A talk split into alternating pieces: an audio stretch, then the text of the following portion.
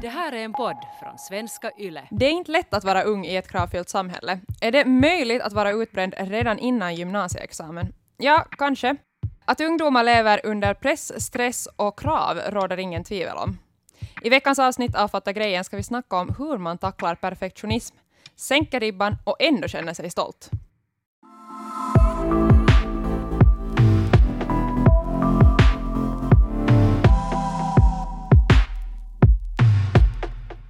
I vardagen och eh, i dagens samhälle så har åtminstone jag varit i situationer där perfektionistiska drag ses som någonting bra helt enkelt. Mm. Och man använder det ofta som synonym till att man är en noggrann person. Så har jag upplevt det. Hur har du upplevt ordet perfektionism? Jag har nog också förknippat det med något bra och något man förväntas vara, tror jag, ganska Ja. långt. Att liksom hellre att man gör det bra än att, gör, än att slarvar. För vad är då motsats, eller liksom alternativet till att vara Mm. perfektionist är ju egentligen bara negativa egenskaper. Man är lat, man är onoggrann, man är slarvig. Ja, spe- alltså speciellt om man drar det så svart och vitt, vilket Mm. man ofta gör. Men å andra sidan så är man ju också bara människa. liksom, sådär. Så att, ja, det är väl hur man ser på det, kanske. Men inte vet jag nu om det är något fel i att vara perfektionist heller. Det, för det är ju ändå de egenskaper vi knyter till det, så är ju ändå positiva. Eller liksom att man har höga krav, man vill Mm, göra någonting stämmer. bra, man vill vara noggrann och Ja, så vidare. ja. Men det kan ju förstås vara enormt tungt att hela tiden sträva efter någonting som kanske inte går att nå Ja, egentligen. Nej, men alltså det är ju just det, det är ju stor skillnad på om det är en önskan eller sen om det är helt bara orealistiska krav Ja. som man ställer på sig själv. Eh, Men Axel, kan du kort förklara vad eh, perfektionism är? För, eller ge typ exempel på så här typiska drag hos en person som är perfektionist. Till en början så ska det sägas att det, liksom, det finns ingen diagnos Nej. som är perfektionism. Precis, det är inte en sjukdom, liksom. Nej, precis. Utan det är det drag människor har. Mm. Sådär. Till exempel, om man liksom upplever att man baserar en för stor del av sin självbild och sitt egenvärde Mm.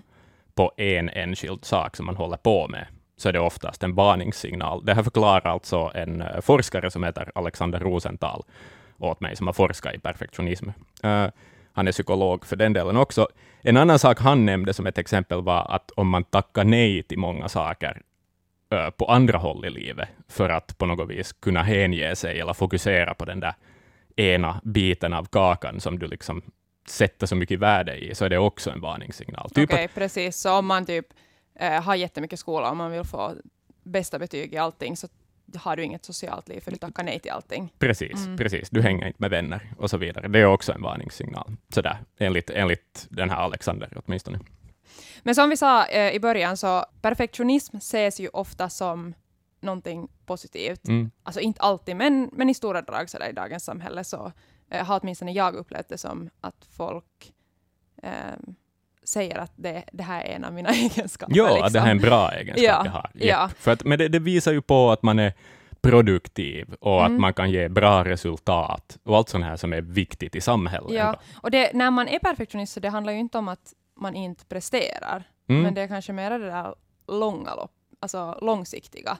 Eh, och då kommer man ju in lite på att vad har det för konse- konsekvenser att vara perfektionist? Mm. Vad är liksom psykologins synvinkel på hela det här fenomenet? Nu alltså, inom psykologin så tittar man nästan bara på de negativa konsekvenserna av Okej. perfektionism, alltså vad det leder till Mm. sådär, Mm. hos en människa. Till exempel just det här som, som jag sa, att, att man ten, en perfektionist tenderar att sätta för, för mycket av sitt egenvärde på Mm. en prestation. Och Mm. ofta hos en perfektionist så kan den där prestationen finnas kanske inom ett eller mm, två livsområden bara. Säg idrott och jobb eller Mm. någonting, att där ska man vara så jävla bra. Och det här blir ju då, precis som vi var inne på, att om det äter upp av ens sociala relationer och så vidare, så om, om hela ditt tårtdiagram är liksom prestationen och det Mm. inte ryms någonting annat dit in, så det får ju negativa konsekvenser för dig. För du kanske står ensam kvar där i något skede med alla dina prestationer. Mm. Och så där är det värt någonting. Att jag tänker kanske så där, personligen så är det väl inte jättelångt ifrån typ alkoholism eller missbruk, så där. Att där det blir ett problem. Ja, ett typ av beroende. Man är beroende av att hela tiden prestera för att känna sig liksom tillfreds. Jepp, tillfreds. Precis, det är ett bra. Ja, Mm. det är som så jag tänker på det.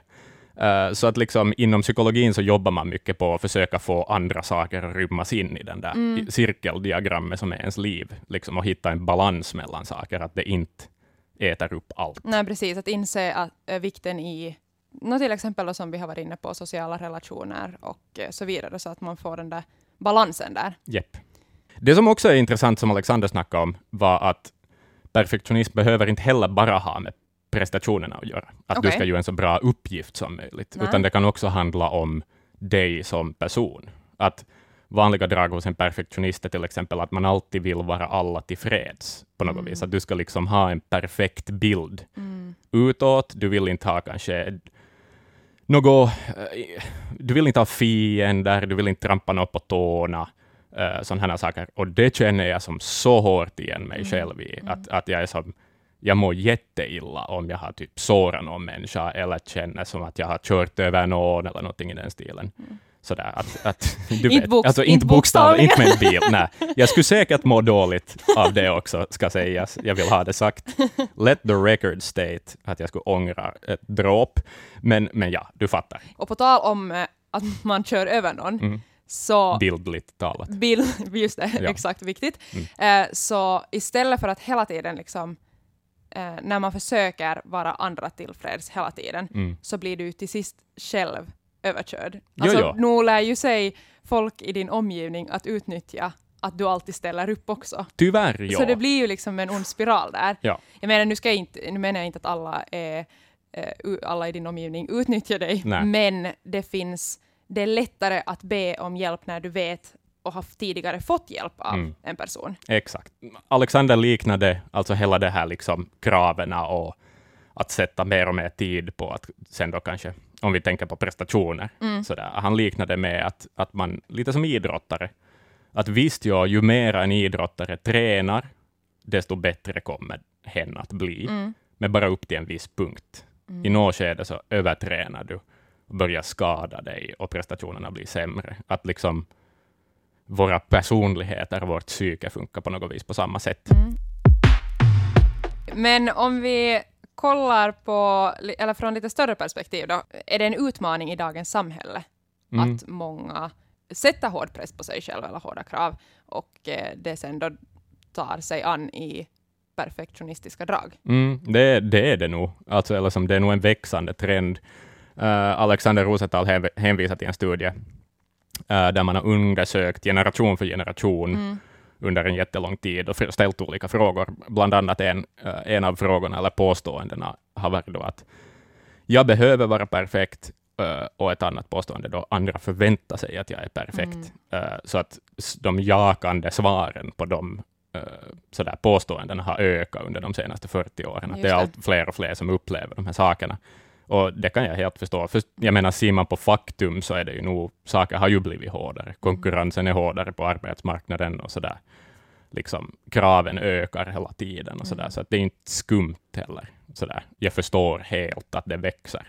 Ja, jag kan, jag kan också förstå. Plus det där att vi klassiska sakerna vad sociala medier har bidragit med, Mm. att man jämför sig mycket mer idag än vad man tidigare ens hade möjlighet att göra Mm. på något vis. Att hur går det för andra? Och så speglar man sig själv. Vi har alla hört det här förr. Liksom. Ja, alltså absolut. Men jag tror ändå, även fast du säger att vi har hört det här förr, ja, det har vi, men jag, eh, det är ju ett växande problem, så helt klart har vi inte hört det tillräckligt. Mm. Eller åtminstone inte tagit åt oss det, att det är liksom inte, det är inte lösningen att du försöker vara perfekt på alla Nej. plan. Nej. Eh, sen så kan jag vara sådär att med det där när man jämför sig och typ till exempel söker jobb så kan det vara sådär, ja ah, men den här personen fick den här tjänsten Mm. och så går man typ in på eh, LinkedIn och kollar vad har du gjort? Måste Ja. jag göra det här?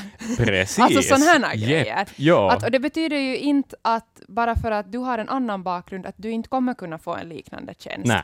Att det där är ju en rekryteringsprocess som alltid är unik för den Mm. positionen du söker. Ja, ja, men du tror att det är det där som krävs, Ja. för att det är det exempel Ja. som finns. På något Sen vis. kan det ja. ju finnas vissa fördelar att om du söker ett, eh, vad ska vi säga, om du vill jobba med marknadsföring, så Mm. såklart att det kan vara hemåt om du har jobbat med marknadsföring eh, innan, Mm. men det att inte du ens skickar in en ansökan Nej, eh, nej. för att du har annan arbetserfarenhet. Det ska man, alltså jag tror att man stirrar sig blind det. Ja, ja, ja, jepp, exakt. Nu går vi lite på sidospår, men just det där att man liksom jämför sig, så Mm. det är också kanske en grej som man kan sluta med. Ja, men det är också så lättare sagt än gjort. På vis. ja. Jag väntar ännu på, alltså som sådär, jag, jag är jättemedveten om, ja. ju mer jag scrollar Instagram, desto mer olycklig blir jag. Ja. Ungefär sådär, för det mesta. Men sen tänker jag sådär, okej, men vad om jag bara själv skulle vara öppen med, och jag har en pissdag och allting Mm. suger och jag eh, avskyr mig själv eller någonting. Att vad om jag bara skulle vara öppen med det på Instagram? Så att, för jag vet själv att jag skulle vilja se mera sånt, speciellt bland människor som tenderar att ha ganska glansbilder av sina liv och sådär. Men sen är det ändå den där tröskeln att men är det nu så, det är ju så privat, inte vill jag riktigt liksom på något vis. Men jag skulle önska att se mera det. Liksom. Jag hoppas, och jag tror ju ändå att vi går lite mer ditåt, att man inte, att det inte alltid måste vara en perfekt bild. Mm. Eller de kontona som är intressanta att följa är ju de som bjuder på sig själva Ja. också, att eh, jag är inte perfekt på alla plan. Liksom. Nej. Men ska vi gå in på lite konkreta tips eh, som man kan använda om man känner att man är perfektionist eller har sådana drag som påminner om det? För det tror jag vi alla har. Det har vi nog. Jag har tre tips, Mm. konkreta tips. Ja. Okej. Det första tipset som eh, Alexander Rosenthal gav var att man ska skriva dagbok, till Mm. exempel. På något vis bara dokumentera det du håller på med. Eh, och att tvinga sig själv att fokusera på det positiva, som efter olika uppgifter man har gjort eller någonting. Att vad var det som gick bra i det här? Mm. För att ofta att kanske man, en perfektionist, lätt bara fokuserar på det som skulle kunna göras bättre Mm. och det som är bristerna. Att man inte ens riktigt tar sig tid och reflektera över vad var det som gick bra. Mm. Att faktiskt på riktigt tvinga sig själv att göra det. Jag minns eh, när jag spelade fotboll så hade vi en, en svensk tränare som hade sen någon föreläsning åt oss. Jag minns inte exakt vad, vad jag spelade då när det här var. Mm. Men han sa att om du ska säga en punkt som du vill utveckla, Mm. alltså mindre bra, Mm. negativ, så här om vi tar så här konkret, Mm. så måste du kontra med fem positiva. Oj, okej. För Wow, att det var en positiv jävel. Men han med, hela grejen var sådär att om du sätter det på en våg, Mm. en negativ, fem positiva, det, det ger liksom den där rätta balansen för att utveckla. Ja, för att den där negativa alltid väger tyngre. Exakt. Eller vi har såklart att det här, man inte kan applicera det här på alla, vi är alla individer och bla bla, bla det vet Mm. vi. Eh, men sådär i stora drag, om det är ett, också speciellt när nu handlar det ju om att vi var ett helt lag, Mm. så ska man alltid komma ihåg att alla tar emot och eh, bearbetar feedback på olika sätt. Ja, så japp. den där negativa grejen så behöver vägas upp. Ja. Eh, men Jo, jo, det bidrar till att bygga upp en skön laganda bara, Mm, där man mm. liksom hjälper varandra och bygger upp varandra Precis. istället för att... Så på samma sätt eh, när du skriver dagbok så fokusera på det positiva, som också Alexander då hade sagt. Har du, har du också skrivit dagbok?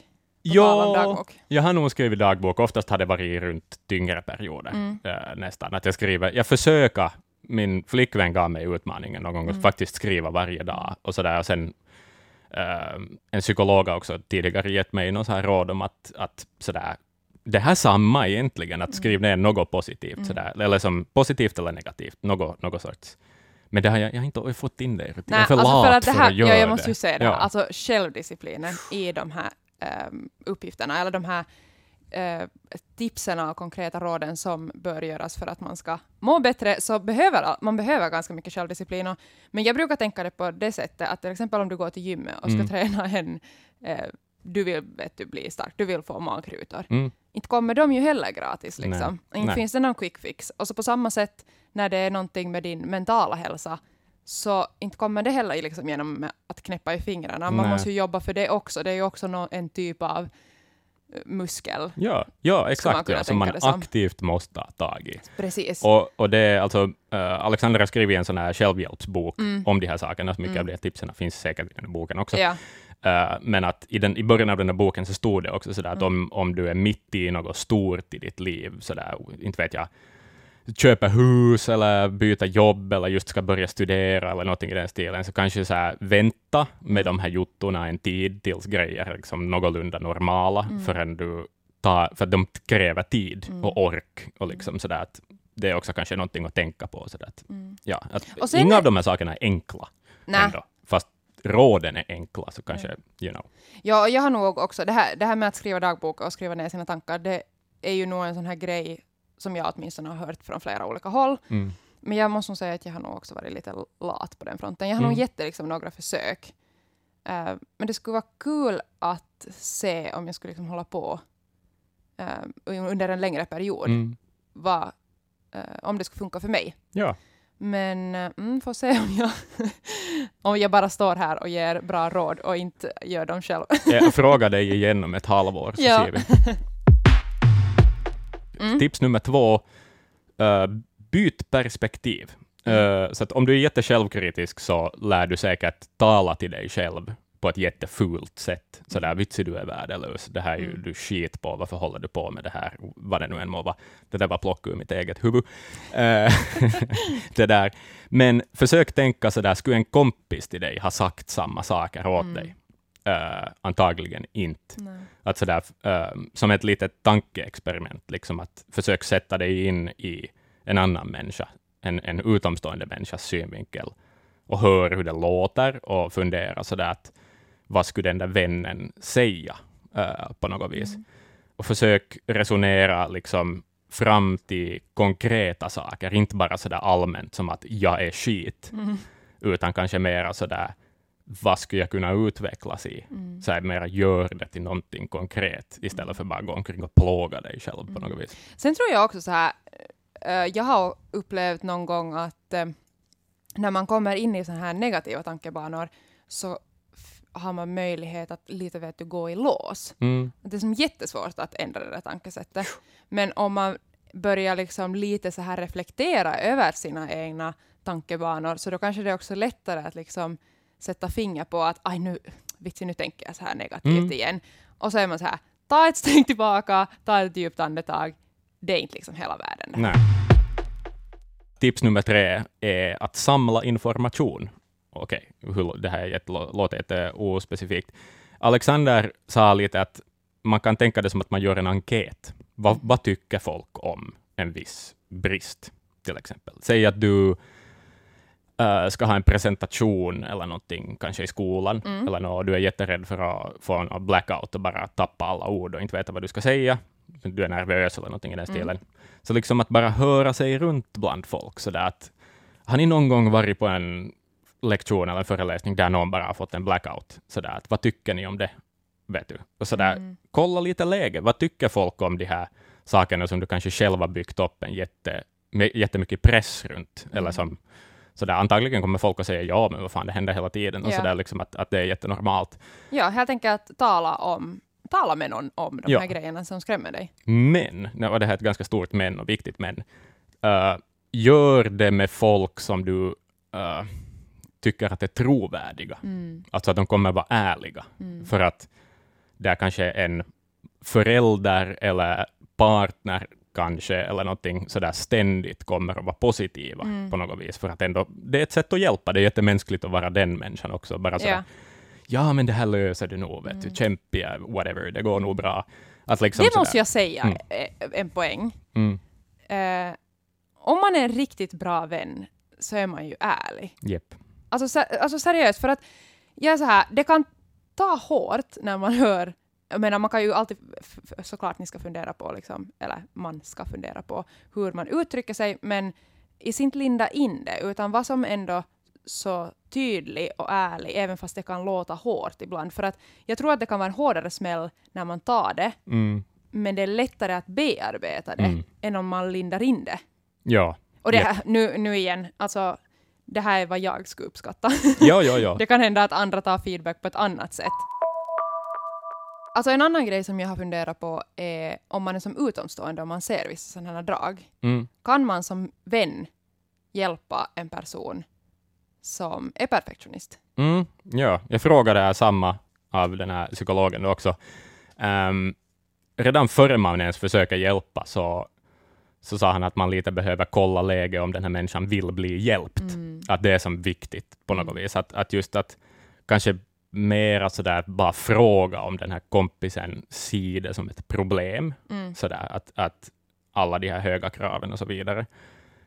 um, om, det, om det finns någonting i liksom, dens liv som den skulle vilja förändra uh, kring det här. Liksom att, att be om lov, att så här, får jag hjälpa eller får jag ge förslag åt dig? Men det där, om vi kom, tänker mer konkret liksom, på just den där kanske kompissituationen, Ja, där ja. någon då kanske har öppnat upp sig lite Mm. om det. Uh, liksom att uh, ett sätt listor, liksom sådär, att bara lista för och nackdelar med det här tankemönstret, Mm. eller de här målen, eller Mm. vad det nu än må vara.